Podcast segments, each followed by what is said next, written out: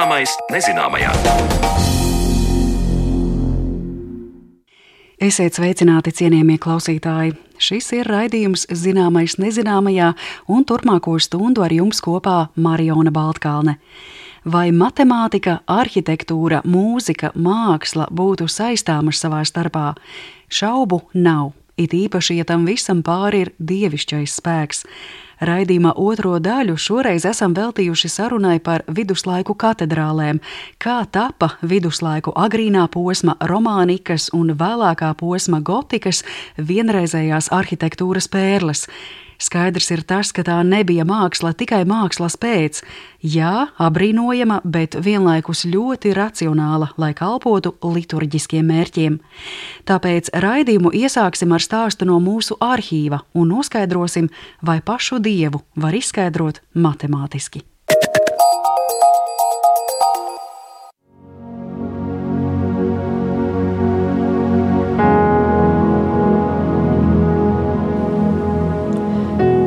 Cilvēks ir radīts pēc dieva tēla un līdzības, vai arī cilvēki ir radījuši dievu pēc sava tēla un vajadzību līdzības? Šis ir fundamentāls jautājums, kas vienā vai otrā veidā savas dzīves laikā jāatrisina katram cilvēkam. Bet risinot šo jautājumu, iespējams uzdot vēl kādu citu, vai dieva esamību iespējams izskaidrot ar matemātikas palīdzību. Uz sarunu par šo tematu esmu aicinājusi Vjačeslavu Kašķējevu, Latvijas Universitātes profesoru, kurš zinātnisko grādu kvantu fizikā saņēmis Telavivas Universitātē. Arī kvantu fizika ienāks mūsu sarunā par dievišķo, bet vispirms par to, vai ar matemātisko pierādījumu varētu pamatot dieva esamību, stāsta Vjačeslavs Kašķējevs pavirši no malas skatoties, var prasīt zinātnēm, nu, ja jūsu primārais uzdevums ir pierādījumi, jā, varbūt tā kā reiz jūsu spējas pierādīt, vajadzētu likt lietā, un mēs jau to jautājumu varētu nu, kaut kā vienreiz likt pie miera vai pietiekami pārliecinošus tos pierādījumus gūt. Ja? Nu, tas uh, konsens, ja par tādu var runāt, protams, ir, ka dieva esamību pierādīt un dieva neesamību pierādīt mēs nevaram. Un kristīgajā teoloģijā nu, arī ir tam savs skaidrojums, ja, ka viegli acīm redzams, nepārprotami pierādāms dievs nu, ierobežotu cilvēka brīvo gribu no dieva žēlastības atteikties. Ja. Kopīgais ir tas, ka pierādījums ir spriedums, arguments, kas citu pārliecina. Savukārt, matemātika ir disciplinēta, racionāla domāšana, kura izzina tieši paša pierādījuma nepretrunīgumu un loģisko struktūru. Matemātiskā pierādījuma dieva eksistenci nevar būt, tāpēc ka matemātika nesaskaras ar cilvēka pieredzēm un spriedumiem. Viņa tos var pieņemt kā dotos lielumus, bet fokusēsies uz to, ko no dotajiem lielumiem var atvesināt. Viens jēdziens, un atkal ne matemātisks, ne fizikāls jēdziens, ir atklāsmes jēdziens. Atklāsme ir tad, kad cilvēks tev saka, es piedzīvoju kaut ko īpašu, ja, un es šo skaidroju šādiem vārdiem, tas man nozīmē šo. Un tad uh, kaut kādā reliģiskā kopienā apvienojas cilvēki, kuriem viena stāsta ar otru rezonē. Viņš saka, jā, es piedzīvoju šo pašu, varbūt citādākā veidā un citādāk to redzu, bet tas man ir tikpat svarīgi un nozīmīgi. Un tā veidojas tas uh, kopīgais. Un interesanti, ka arī daudz zinātnieku arī to atklāšanas ceļu raksturo ar vārdu atklāsmē. Un man ir divi piemēri. Viens ir Īzāks Ņūtons, kas bija dziļi ticīgs cilvēks, un viņš bija pirmais, kas aizveda mūs līdz universāliem matemātiskiem likumiem, kas izpildās gan uz Zemes, gan kosmosā. Un šī atklāsme, ka es, mirstīgs cilvēks, spēju paredzēt debesu ķermeņa kustību, Ņūtonam bija dziļa reliģiska pieredze. Ja? Viņš ir rakstījis laika biedriem, ka man ir ļauts domāt dieva domas. Un tas priekš Ņūtona ir bijis nu, dzīves piemērs tam, ka arī mūsos ir ielikta dieva līdzība. Ja. Otrs piemērs, daudz tuvāk mūsdienām, tas ir angļu matemātiķis Andrew Wiles, kurš ir ievērojams ar to, ka viņš ir pierādījis modulāro teorēmu, no kuras izriet ļoti, ļoti slavenas, gandrīz 300 gadu vecas matemātiskās problēmas, Fermā lielās teorēmas pierādījumus.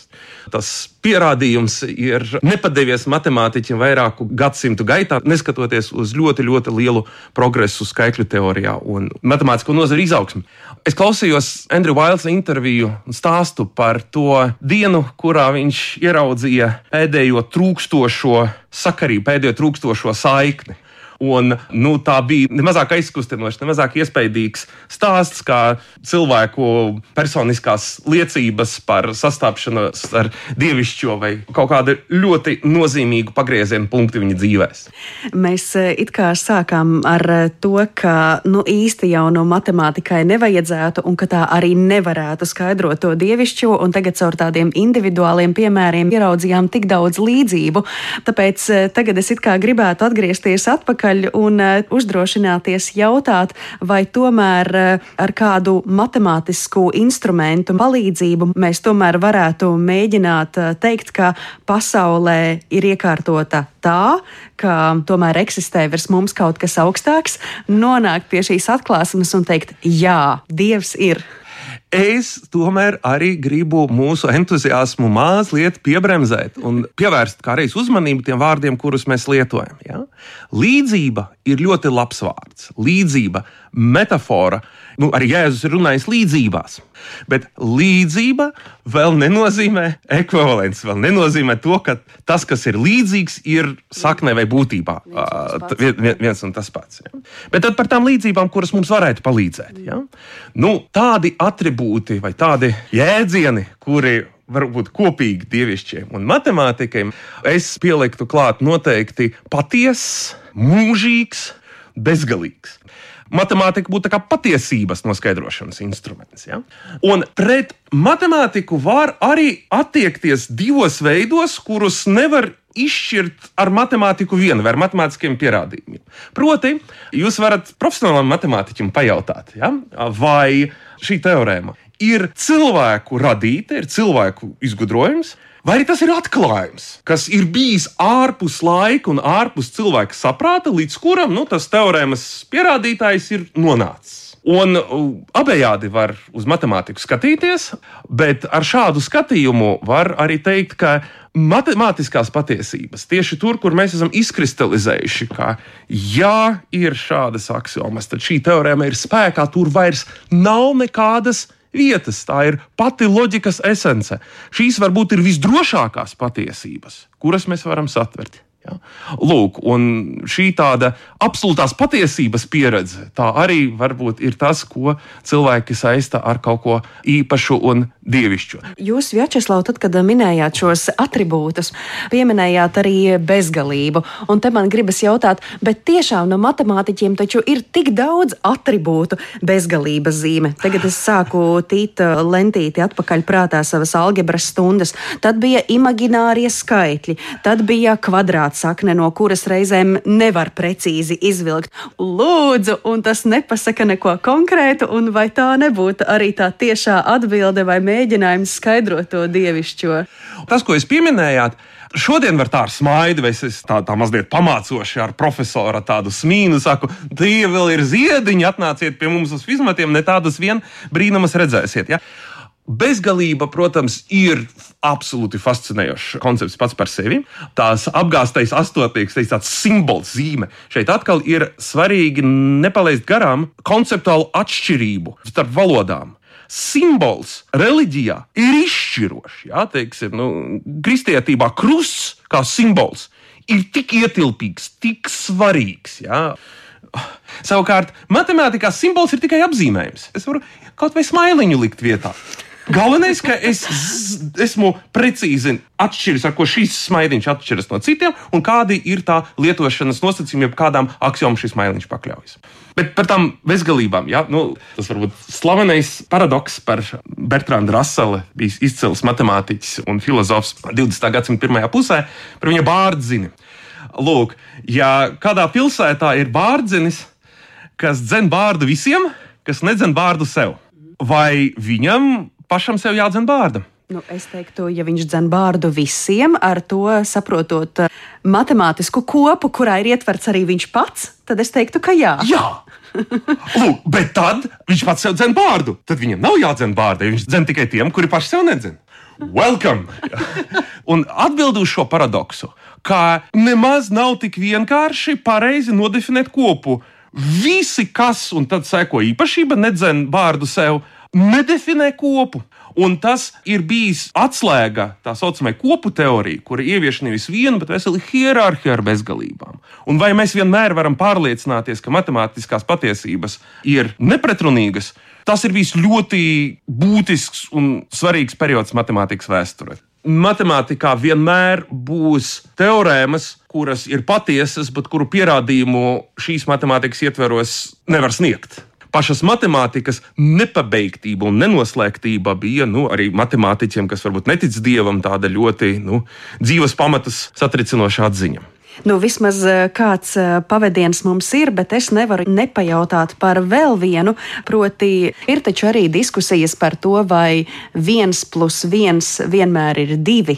Un, ja es šo stāstu izvēršu mazliet tālāk, viens plus viens plus viens, vai tas vienmēr ir trīs, vai tas dažkārt arī varētu būt viens. Un te man gribētos no prieka saberzēt rokas un teikt, nu redz, ja viens plus viens plus viens ir reizēm arī viens, nevis trīs, tad tas mums ir stāsts par ko? Par svēto trīsvienību, kur trīs ir viens un viens ir trīs. Šo skaitīšanas procesu pa vieniniekam, kā metaforu ceļam pie dievišķā un dievišķā paradoxālo dabu, jau arī izmantojis mūsu izcilais uh, dzinieks uh, Imants Ziedonis. Ja? Pirms pieciem gadiem no jauna izdeva viņa dzīvoļu krājumu. Tad tas citāts ir visa krājuma nosaukumā izcelts. Es skaitīju un nonācu pie viena. Izrādās, ka imanta ziedoņa skaitīšanai mēs varam atrast atsauces matemātikā. Šeit Vjačeslavs Kašķējevs vispirms piemin kongruences, pamatinstrumentu matemātikas sadaļā, ko sauc par skaitļu teoriju. Saskaņā ar to skaitļus iedala pāra un nepāra skaitļos, un nulle ir mazākais pāra skaitlis. Tādējādi viens plus viens ir nulle bet šai nullei pieskaitot jaunu vieninieku, mēs iegūstam viens. Tātad viens plus viens plus viens ir viens. Protams, kongruences nav tas pats, kas svētā trīsvienība kristietībā. Viena cita atkal matemātiska konstrukcija, kura ir noderīga paradoxālā veidā, varbūt gan ah, kā trīsvienības metāfora, gan uh, kā matemātiskais instruments kvantu mehānikā. Iedomājamies kādu telpisku objektu, kuram atkarībā no tā, no kuras puses spīdina ar teiksim, lampu, spīdina gaismu, tas met ēnu, tās ēnas formas. Dažādās plaknēs var būt ļoti atšķirīgas. Ja? Te nāk prātā arī zilonis, ko aptausta aklie cilvēki, un tas, kas ir sataustījis kāju, saka, tas ir koks. Ja? Tas, kas ir sataustījis snuķi, tas, saka, tas ir pitons. Šī vajadzība daudzdimensionālu objektu projicēt telpās ar mazākajām dimensijām un tā pilnās ainas nesatveršana ar mūsu rīcībā esošiem līdzekļiem no vienas puses tas ir kaut kas, ko es pirmdienās maģistriem kvantu mehānikas kursu ietveros mācu. Ja? No otras puses, to var teikt arī, protams, par kristīgo trīsvienības konceptu, ka Dievs ir viens, ja? bet viņam ir trīs, nu, matemātiķi teica, reprezentācijas ja? vai izpausmes. Tas izaicinājums izkāpt no savas uztveres plaknes, varbūt tas arī tas, uz ko mūsu dievišķais aicina. Aizvien vairāk parādoties informācijai par kvantu fiziku, iespējams, kādiem cilvēkiem radusies sajūta, ka lūk, šī beidzot būs atbilde daudziem neizprotamiem jautājumiem. Vaicāju profesoram, vai kvantu fizika sniedz lielāku palīdzību, lai atbildētu uz jautājumiem par dievišķo. Viņš norāda, ka šim visam ir arī negatīva piekrāsa, jo izplatot sabiedrībā nepārbaudītus faktus par to, ko zinātnieki patiešām dara, cilvēkiem var rasties priekšstats, ka dievu var aizstāt ar zinātni. Tajā pašā laikā kvantu fizikā ir daudz valdzinošā, jo no vienas puses kvantu pasaule darbojas pēc matemātiski precīzi izteiktiem likumiem, bet no otras puses izaicina mūsu veselo saprātu, jo jebkurā vietā un veidā matemātikas likumiem iespējami izņēmumi. Ja kvantu mehānika saka, ka kaut kas ir neizzināms, viņa neko nepasaka par to, kas tas neizzināms ir. Ja? Un ja Dievs ir neizzināms, un atsevišķā kvanta limitēta mērījuma iznākums ir neizzināms. Tas vēl nenozīmē, ka viņi ir viens un tas pats. Mēs atgriežamies pie šī pašas lielākās, varbūt, uh, brīdinājuma no mūsu sarunas. Līdzības ir ārkārtīgi spēcīgas, bet tas nenozīmē, ka tas ir viens un tas pats. Tieši tāpat kā mēs Jēzus līdzībās nedomājam, ka mums burtiski jārīkojas tā, kā viņš teica savam māceklim, teiksim, pārdot visu savu mantu un ej seko man līdzība ir tas tā pozitīvā daļa, bet tas, kā mēs viņu interpretējam, ka nedaram to pa burtisku vai neizlaižot to dziļumu. Ja? Nepiezemējot uh, mūsu priekšstatus gan par kvantu mehāniku, gan par dievu līdz savas izpratnes līmenim, bet pazemīgi, pakāpeniski mācoties un paplašinot to apvārsni, to dimensiju skaitu, ko mēs varam redzēt, tad nu, tā būs pozitīva un bagātinoša pieredze. Neizdibināmi ir kunga ceļi, un sākotnēji neizdibināmais dzēn uz priekšu matemātiķi paplašināt robežas. Ilgas pēc bezgalīgā, pēc kaut kā lielāka par tevi pašu, un bezgalība kā tiekšanās process matemātikā meklēt atbildes mūžība kristīgajā pasaulē un mūžība, kam varam pieskarties ceļojot matemātikas pasaulē.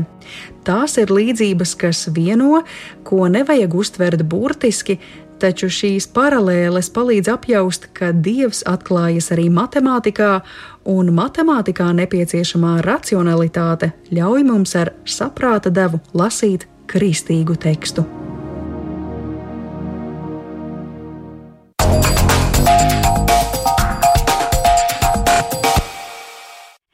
Dzirdējāt sarunu ar Latvijas Universitātes profesoru Vjačeslavu Kašķējevu par dievu matemātikā un otrādi, bet pēc mirkļa turpinām ar sarunu par viduslaiku skaisto mantojumu, un tās ir katedrāles.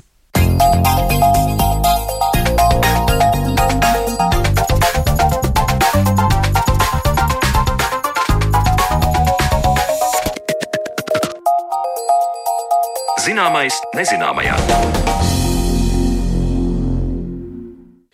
Visā vēstures laika līnijā viduslaiki kā periods izceļas. Pirmkārt, jau tas ir laika posms, par kuru visai skaidri varam pateikt, kad tas sākas un kad tas noslēdzas. Salīdzinājumam, kad tieši sākas aizvēsture un kad noslēdzas jaunie laiki, pateikt būtu grūtāk.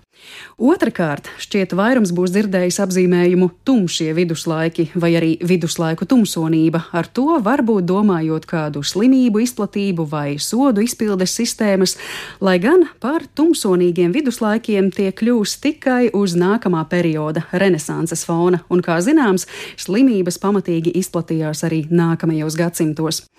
Līdzās visam pieminētajam viduslaiki alležu izcelsies ar mantojumu, kas saglabājies līdz mūsu dienām. Tās ir viduslaikos tapušās katedrāles, kuras joprojām apbrīnojam to grandiozitātes dēļ, to pamatīguma dēļ, spējot izturēt tik daudzus gadsimtus, Karstās vasaras dienās tajās meklējam pēc patvēruma, pēc vēsuma un apjaušam, cik vienreizēji šādās vietās skan viduslaiku dziedājumi. Kā šādas būvis vispār varēja tapt un vai cilvēki jau viduslaikos veica smalkus aprēķinus, lai katedrālē izcili skanētu mūzika un lai tādā veidā cilvēki pēc iespējas vairāk tuvotos dievišķajam. To šodien pārunāsim kopā ar studijas viesiem, un es sveicu vēstures zinātņu doktoru Latvijas Universitātes Universitātes vēstures un filozofijas fakultātes profesoru Andriu Levānu. Labdien! Labdien! Un viņam pievienojas Jāzepa Vītola, Latvijas Mūzikas akadēmijas rektors, profesors un vienlaikus senās mūzikas ansambļa Skola Kantorum Rīga dibinātājs un vadītājs Gunters Prānis. Labdien! Labdien! Es pieminēju šo vārdu katedrāles. Un uh, vienlaikus, kad mēs uh, domājam par viduslaikiem kā periodu, šis katedrāļu vārds sajaucas kopā ar baznīcām un iespējams arī kādām citām sakrālām vietām. To katedrāli mēs vairāk gribam tā kā automātiski attiecināt uz gotikas posmu. Bet vai katedrālis tad ir sasaistāmas tikai ar gotiku, vai tomēr katedrālis jau iezīmējas arī agrākā viduslaiku posmā, ko mēs saucam par romāniku? Levāna kungs, kā ir? Ne katru baznīcu mēs apzīmēsim par katedrāli. Baznīcu ir daudz, bet eh, ļoti maz starp tām ir baznīcas, uz kurām mēs attiecinām šo jēdzienu. Un pats jēdziens nāk no sengrieķu valodas, no athēdra, kas nozīmē krēsls, vai drīzāk jau šajā gadījumā mēs ar to sapratīsim viena bīskapa, vēlāk viena arhibīskapa amata vai darbības centrālo pārvaldi. Precīzāk sakot, tā būs tā vieta, kur uh, darbojas viens biskups, vēlāk arhibīskaps, un kas uh, ir vienas baznīcas provinces, acīm redzot, galvenais ne tikai reliģiskais un uh, liturģiskais centrs, bet arī administratīvais, arī politiskais centrs.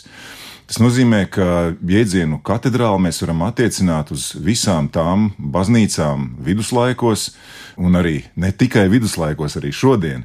Mēs attiecinām uz tām baznīcām, kas tiek apzīmētas vai ir funkcionāli biskupa, arhibīskapa galvenā baznīca, respektīvi viņa sēdeklis. Tāpat arī pāvesta kūrijā, respektīvi, ja mēs paskatāmies uz Vatikānu, tad mēs redzam, ka eh, Svētā Pētera bazilika ir katedrāle, ņemot vērā tās status. Tātad jēdziens katedrāle norāda uz šīs baznīcas statusu, baznīcas provinces ietvaros. Tātad stāsts par netik daudz to apmēru, ja, bet tas norāda tiešām uz to statusu, uz to personu, kas tur eh, izmitinās. Bet tad, ja mēs viduslaiku sadalām, izrietot no tiem arhitektūras stiliem, ja tur romānika, gotika, tas vārds katedrāle ar šo statusu ienāk tikai tajā skaistajā gotikas posmā ar tām lielajām katedrālēm, augstajiem torņiem, vai tomēr jau sākotnēji arī romānikas posmā tas ir? Protams, tad neatkarīgi no tā, cik baznīca ir liela, svarīgs, acīm redzot, šajā gadījumā ir tieši baznīcas status. Un, līdz ar to mēs par katedrālēm varam apzīmēt un šo jēdzienu arī lieto. Nu, teiksim, tā agrējos viduslaikos, nu, tātad laikā starp apmēram 5, 6, 7 līdz 10 gadsimtam nosacīt retāk.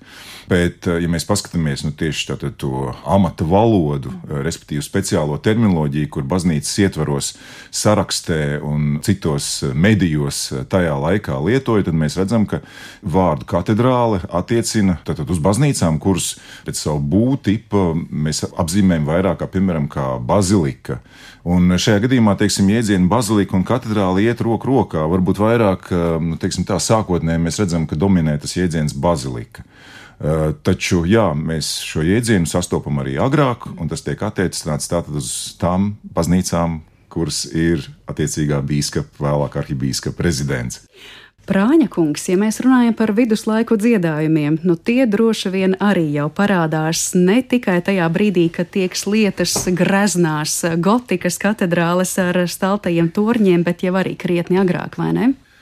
Jā, šķiet, ka tieši to būtu jāsāk, jo nereti Gregoriskais korālis, ko mēs uzskatām nu, lielā mērā par viduslaiku mūzikas galveno reprezentantu, tiek asociēts ar gotiskām celtnēm, ar šalcošām akustikām, visiem šiem um, efektiem, kā nu kurš to uztver. Bet jāuzsver ir tas, ka šie dziedājumi tapā viennozīmīgi romānikas laikmetā Un vēl vairāk būtu jāuzsver tas, ka tie arī tā tika domāti, ka tie ir līdz niansē labi uh, saklausāmi, uztverami, jo tur uh, tas galvenais nu, uzbūves elements vai galvenā būtība šiem dziedājumiem ir izdziedāts vārds. Un eh, tas izdziedāts vārds eh, īstenībā nedrīkstēja pārāk daudz halēties, jo tad uh, jau akustiski nevar saprast, nu, kā mēs to labi zinām. Šalcošās akustikās mēs jautājam, par ko vispār bija runa. Mēs vairāk viņu uztveram kā tādu skaistu skaņu. Tā kā to būtu jāuzsver, ka Gregoriskais korāls, kas ir vispār Rietumē Eiropas profesionālās muzikas sākums, ir cieši jāsasaista ar romāniku, tātad ar ļoti tādu taupīgu akustisku skanējumu tieši šī iemesla dēļ, ka ir labi jāsaklausa, ir jāspēj meditēt gan pašam dziedātājam, gan arī klausītājam tas, par ko tiek dziedāts. Un eh, pilnīgi noteikti sākotnējā stadijā tas eh, netika nekādā veidā sasaistīts ar lielām liturģiskām celtnēm. Tas ir patiesi interesanti, jo mēs zinām, ka viduslaiki kopumā ir tas periods, kad baznīca kā institūcija spēlē ārkārtīgi lielu lomu cilvēku dzīvē. Un tad, ja mēs salīdzinām šīs romānikas stila baznīcas un arī katedrāles, kā mēs jau noskaidrojām, un gotikas stila katedrāles, nu man šī tāda varbūt subjektīvā sajūta ir, ka tajās gotikas stila katedrālēs tā tiekšanās pēc dievišķā uz augšu, uz augšu, ja parādās vairāk. Nu, droši vien tāpēc, ka tur ir šie augstie torņi un citas arhitektūras iezīmes. Vai šīs pārmaiņas tad tieši arhitektūrā arī sekmē tāds cilvēku priekšstats, ka tad, ja mēs celsim tos augstos torņus, mēs dievam pietuvosimies vairāk? Mūzikā patiesībā vairāk mēs pietuvojamies romānikas stila baznīcās. Jā, jā, tā ir. Un Marija, jūs uzdevāt patiesībā tik tiešām ļoti sarežģītu jautājumu atbildes meklējumi ir ļoti sarežģīti, un es domāju, ka viennozīmīgu atbildi šodien pat zinātnes pasaulē nav. Viena lieta ir tā, ir lūk, tas materiālais, kam mēs varam pieskarties. Tas ir akmens, tās ir konkrētas konstrukcijas, tas ir konkrēts telpiskums, tā ir konkrēta akustika, tās ir krāsas. Un uh, tad otra puse ir tie ir kaut kādi ļoti konkrēti cilvēki, kas to cēla. Ja viņi gribēja sasniegt tieši šādu rezultātu, tad acīm redzot, viņi kaut ko domāja. Viņiem bija tad, tad acīm redzot, lūk, tātad kaut kāds konkrēts nolūks, kaut kāds mērķis. Protams, tas ideālais ir. Mēs vēlamies, lai Dievs mūs sadzird, vai Dievs mūs labāk ierauga, vai tieši otrādi, ja mēs šo darām, un tieši šādi, tad tas ir lūk tā, kā mēs saprotam kalpošanu Dievam kalpošana dievam, dievišķajam, kristīgās reliģijas izpratnē, tas nozīmē arī dot upuri. Tas nozīmē, ka es dodu ne tikai daļiņu no sevis, es dodu sevi visu, un tas ir viena. Patiesībā viena, acīm redzot, arī viduslaiku katedrāļu, baznīcu būvmeistara, tātad cilvēks, kurš plāno, kurš vada vienas katedrāles būvdarbus. Viņš ļoti labi zināja, ka iespējams viņš tikai līdz kaut kādam noteiktam posmam, kaut kādai noteiktai pakāpei savas dzīves laikā spēs vienu katedrālu uzbūvēt, un tad būs kādi, kas šo darbu turpinās. Jo mēs, kā labi zinām, vienu katedrālu nevar uzbūvēt viena cilvēka dzīves laikā.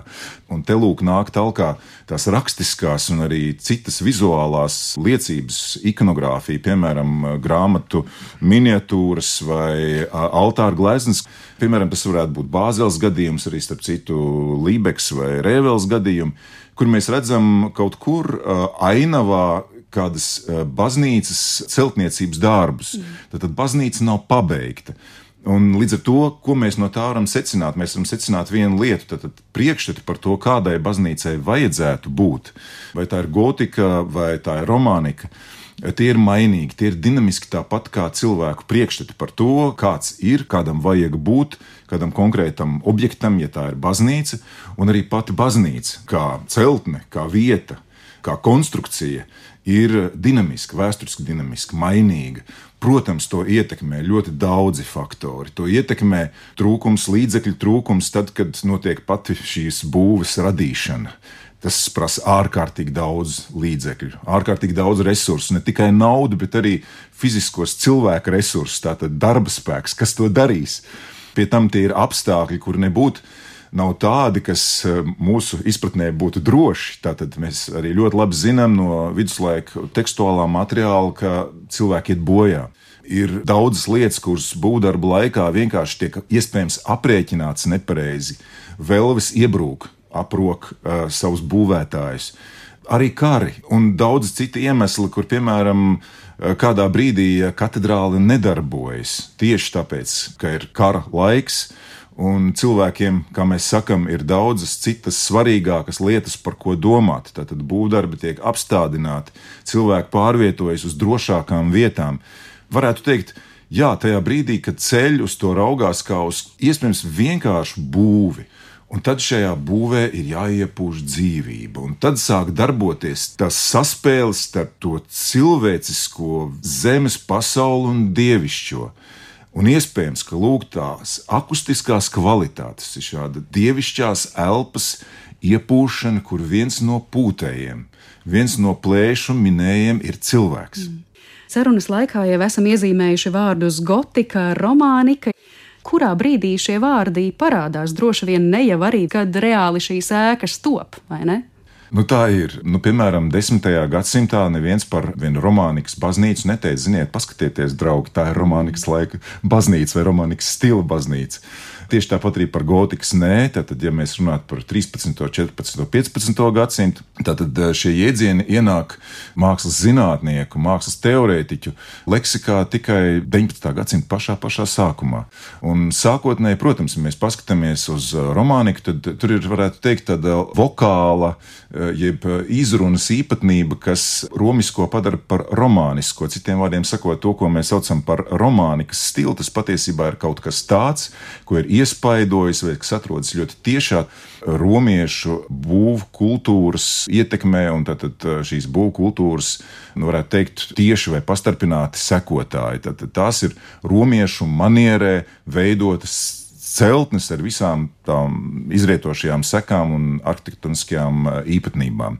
Un savukārt par gotiku runājot, tad tur savukārt ir atkal viens cits neliels stāstīns, jo lieta ir tāda, ka lūk, tieši renesanses humanisti, tātad galvenokārt 15. gadsimts, veidoja tādu tomēr nievājošu attieksmi pret visu, kas ir saistāms ar gotiku, jo tas nāk no vārda goti, kā jūs varat iedomāties, un goti ir barbari, goti ir tumši, neizglītoti, ar visu, kas negatīvs vien ir, un visas negatīvās konotācijas, ar ko vien cilvēks asociē vidi un pasauli sev apkārt, viņš saista ar gotiku un ar gotiem, jo tie nes līdzi iznīcību. Viņu dēļ iet bojā nu, patiesībā tas kultūras ideāls, kas ir antīkajā pasaulē, tātad grieķiskais, romiskais un tā tālāk un tā joprojām. Tas attiecas, protams, uz celtnēm arī. Bet tur ir viena lieta tāda, ka pie šī varbūt uh, der viena maza piezīmīta, ka ne jau nejauši šie 19. gadsimta filozofiski un apgaismības dažādu priekšstatu ietekmēti intelektuāļi izvēlējās šādu apzīmējumu, jo tur ir viena lieta, piemēram, šajā viduslaiku mākslā, gan to, ko mēs ieraugām viduslaiku baznīcu konsolēs, kapiteļos, arī altāra glezniecībā, tur ir ārkārtīgi daudz kailuma. Kails ķermenis no vienas puses, Tad, lūk, šis skailums, no otras puses, stāsti no vecās, jaunās derības, kas tiek atspoguļoti bildēs. Un uh, tā ir tikai viena nianses, kur savukārt lūk, šī, teikt, nu, puritāniskā kultūra, kur arī dzen, tas jautājums par to, kas vispār ir dievs un kāda ir dieva loma modernā sabiedrībā 18. gadsimta vidū, otrajā pusē. Un vienā brīdī, kad atklāja, ka dieva nav, saprotiet, ka dievs ir tikai un vienīgi prāta konstrukcija. Nu, tā domāja lūk, daudzi 18. un 19. gadsimta sākuma intelektuāļi, tā skaitā arī Gēta tad eh, lūk, eh, tieši eh, tā attieksme ir tāda, jā, nu skaidrs, ka gotisks, jo tas jau nāk no tā barbaru laika, no tā tumšā viduslaiku laika, kad cilvēki jau citu neko nezināja, tāpēc, ka lūk, viņi bīstās no dieva, tad tas nevis viņus paceļ, bet tieši otrādi gremdē, un viņi aiziet netiklībā, un tad lūk, ir tas kailais ķermenis, un tur ir viss pa daudz, un tā tālāk, un tā joprojām. Līdz ar to arī tā attieksme pret uh, gotiku kā tādu ir stipri negatīva noliedzoša. Cilvēku acu priekšā senās celtnes bruka, gāja bojā, un par viņām neviens nelikās nezinis. Viņas novāca, jo viņas vienkārši traucēja. Tas bija kaut kas vecs, palicis no kaut kāda laika, kas ir tumšs. Tie neesam mēs, mēs ar sevi to vispār nespējam asociēt. Tās nav mūsu saknes. Jā. Mēs esam citi. Mēs esam pavisam cits laikmets.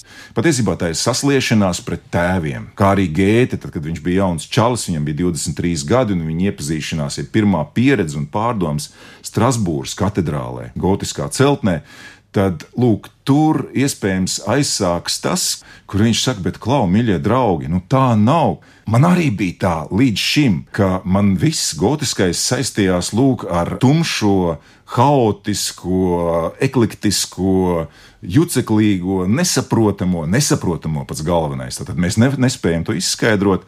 Tad viņš saka, bet nē, mums ir patiesībā jāpārvērtē, jo tā ir mūsu arogance un pazemības trūkums, lai mēs varētu tuvoties šim brīnumam. Nu, redz, kā, mēs joprojām lietojam šo teicienu tumšie viduslaiki, bet tad, kā izskatās, jau iepriekšējos gadsimtos šīs domas ir dalījušās, ka mums to vajadzētu pārvērtēt. Kā ir, ja mēs runājam par viduslaiku dziedājumiem, vai tajā brīdī, kad iestājas eh, renesanses laikmets, kas lielā mērā apgalvo, ka tas, kas ir bijis iepriekš, tas ir nepieņemams kaut kas tumšs, vai šī attieksme pret eh, dziedājumiem, tik ārkārtīgi skaistajiem, arī momentā mainās? Nē, nē, nē, mēs sevi ar to neasociēsim. Pilnīgi noteikti tur nav šāda veida norobežošanās. Tur ir ļoti intensīva ideju iedarbe. Līdz ar to mēs redzam gan vēlo viduslaiku, gan renaissance mūzikā, ka ļoti daudz tiek izmantots no iepriekšējo gadsimtu mantojuma, Gregoriskā korāļa melodijas, to citāti, to fragmenti dažādos veidos dzīvo tālāk. Un, un man liekas, ka mēs tā varam ieraudzīt plašāk tos kontekstus un mēģināt vismaz saprast tā laika cilvēku. Man arī ļoti zīmīgi liekas, papildinot mazliet Andra sacīto, ka romānikas laikmets un Gregorskais korāls eh, tomēr primāri saistās ar eh, klosteriem. Un eh, nevelti mēs faktiski gandrīz nezinām nevienu šo dziedājumu mūzikas autoru. Tas arī liecina par šo laiku, kad šie izglītotie viduslaika cilvēki, un es vienmēr saku arī saviem studentiem, nevis tumšie viduslaiki, bet kontrastainie viduslaiki, kur ir gan, gan. Tātad viens kontrasta gals ir ļoti, ļoti augsta izglītība un inteliģences pakāpe, jo savādāk nav iespējams kaut ko tādu radīt, ko mēs atrodam mūzikā, nemaz nerunājot par citām jomām. Jā. Rakstniecībā vai arhitektūrā, ko starp citu nereti sauc par apstādinātu mūziku. Bet tā tad ir šis anonimitātes elements Un tad mēs ieraugām pirmās katedrāles, un mūzikas vēsturē pilnīgi noteikti tā ir Parīzes Notre-Dame katedrāle, tās celtniecība 12. gadsimta otrā puse. Tur, starp citu, pasaules mūzikas vēsturē ir pirmie divi lielie vārdi - Leonīns Peratīns. Eh, nav nejaušība, ka mēs zinām šo komponistu vārdus. Tā vairs nav klosteru baznīca, tā ir pilsētas katedrāle, kur uh, ir pilnīgi citi procesi jau aktivizēti, kur ir šī reprezentācija, kur ir atstāta iespaidu, un arī mūzikas stils līdz ar to mainās. Jo šai jaunajai akustiskajai telpai ir vajadzīgs eh, pilnīgi kaut kas cits muzikāli. To mēs redzam arī vēlāk pasaules mūzikas vēsturē kaut vai Svētā Marka katedrāle Venecijā, kur daudzi kori vienlaikus dzied, bet tā tad Leonīns Peratīns Notrdamā vairs nav uz rečitētu vārdu balstīta mūzika, vienbalsīgs dziedājums, bet tā tad jau ir daudzbalsīga mūzika, ir ritmiski modeļi, jo savādāk šajā lielajā akustikā muzikāli nav iespējams organizēties, nav iespējams līdz ar to arī uztvert Un man liekas, ka runā par garīgo mūziku, liturģisko mūziku, tad tas piedzīvojuma moments bija ļoti svarīgs. Kad cilvēks dzied dievu godam, viņš piedzīvo dieva klātbūtni. Tajā, ko viņš dzied, ko viņš dara, par to ir ļoti skaisti arī Augustīns runājis, par to, ka šis dziedātais vārds jau ir Dieva vārds, un es viņu dziedot, vēl jau vairāk pastiprinu viņu gan sevī, gan klausītājos.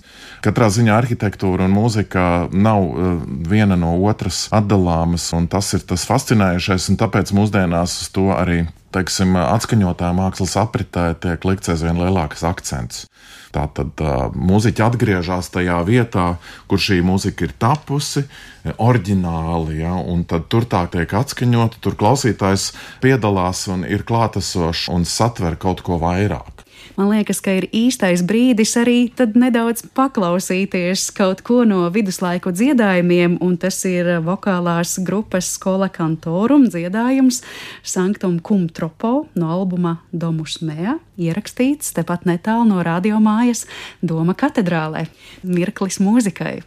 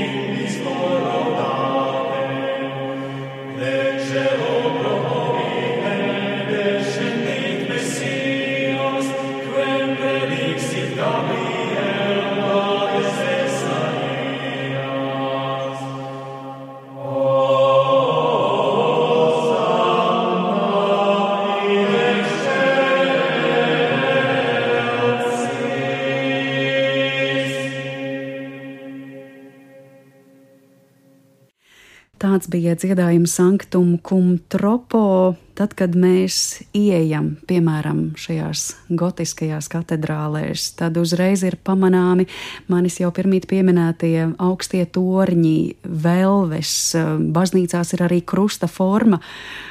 Vai šie elementi kalpoja, lai panāktu lūk šādu fantastisku akustiku, kā mēs nu pat dzirdējām ierakstā?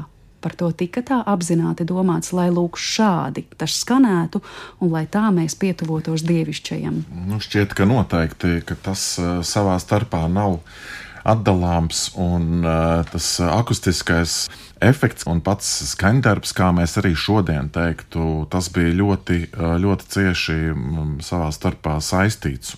Un tas veido arī to cilvēka priekšstatu, tas veido konkrēto arī dievkalpojumu dievkalpojumu formu, dievkalpojumu garumu.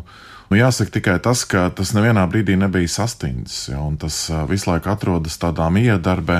Arī katedrāls savā starpā atrodas miedarbē. Vienā brīdī, teiksim, tā ir Parīzes Dievmāts katedrāle, kas uzņemās, nu, mēs šodien teikt, līdera lomu, no kuras izplūst idejas pa Eiropu. Un, Vēlāk tā ir jau Florence vai Venecija, un eh, arī tas ir ārkārtīgi interesanti. Arī arhitektūrā viņi, protams, eh, savā starpā iespaidojās viens no otra. Ne tieši, lai gan viduslaikos Andris arī piekritīs, ļoti daudz kas tika pat prasti nokopēts, jā, kur Mūzikā tas ir interesanti, kur tas netika uzstīts kā mūsdienās par autortiesību pārkāpumu. Bet taisnība otrādi, es jā, esmu jā, novērtēts, viņš ir paņēmis manu melodiju. Kaut kā tā izpratne bija savādāka. Tas ir mūsu kopīgs mantojums, kas īstenībā mums nepieder. Man kā individam tas nepieder. Tur jau tā lieta, tas nepieder man kā individam, jo tas, ko es radu, ar šo es slavinu Dievu.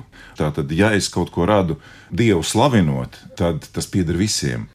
Bet eh, atgriežoties eh, vēl pie tā man iepriekšējā jautājuma, mēs varam tā teikt, ka tiešām tiek skaitliski izrēķināts, nu, piemēram, cik mums platas sienas būvēt, kā veidot šo krusta izvietojumu, cik augstu torni, kur galu galā, piemēram, dziedātājiem atrasties, lai tas akustiskais efekts lūk būtu šāds. Protams, un tas ir tas, ko Gunters arī pirmie teica, ka cilvēki veido ja viņi kaut ko veido, nevis kaut kas vienkārši attīstās, tad tas nozīmē, tas ir ļoti apzināts process.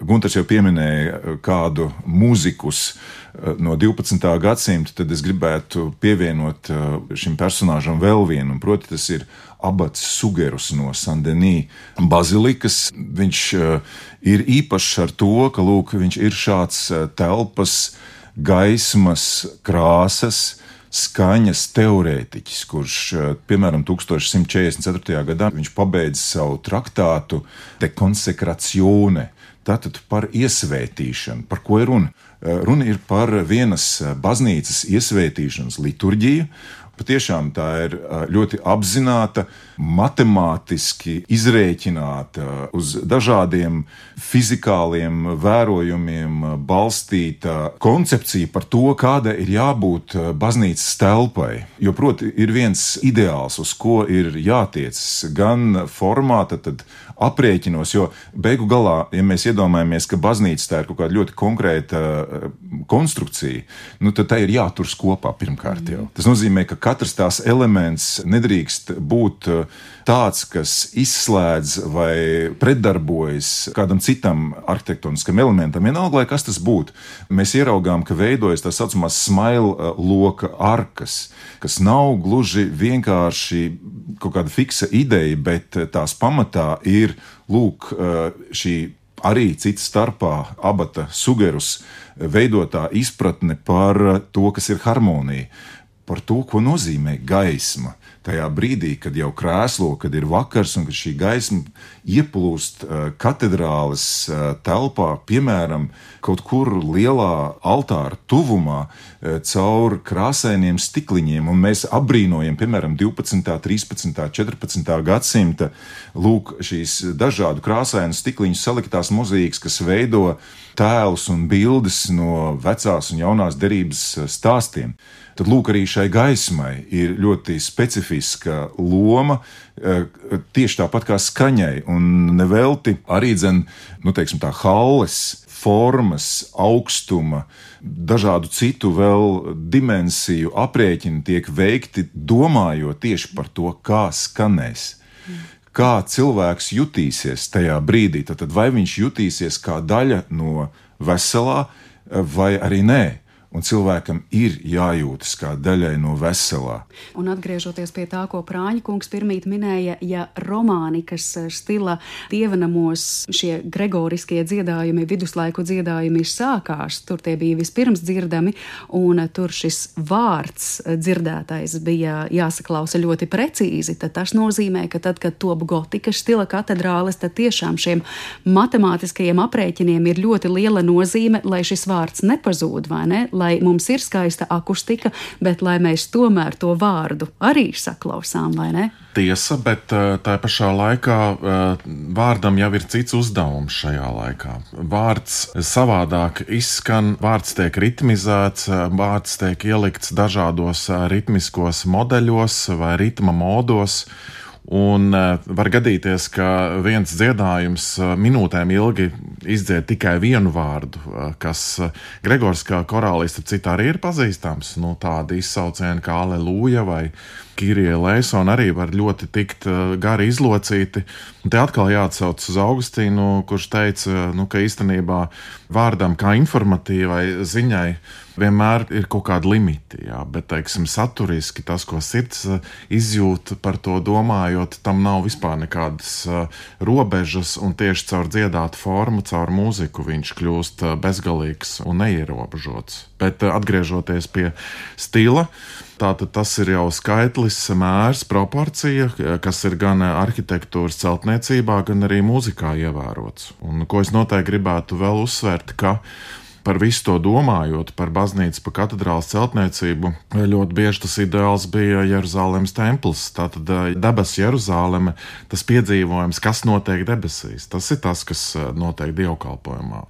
Un līdz ar to tātad eh, Salamana templis, kura atspūgu tiek mēģināts pārnest uz katedrālēm ar šīm konkrētām proporcijām, vēlāk nonāk līdz zelta griezumam, kas atspoguļots tiek arī mūzikā. Mēs tagad klausoties nepateiktu, jā, redz, kur zelta griezums mūzikā, jā, bet ja mēs tagad eh, matemātiski analizējam, tas viss tur ir klātesošs. Un, un te jāpiekrīt Andrim, ka ļoti daudz kas tiek izdomāts, aprēķināts.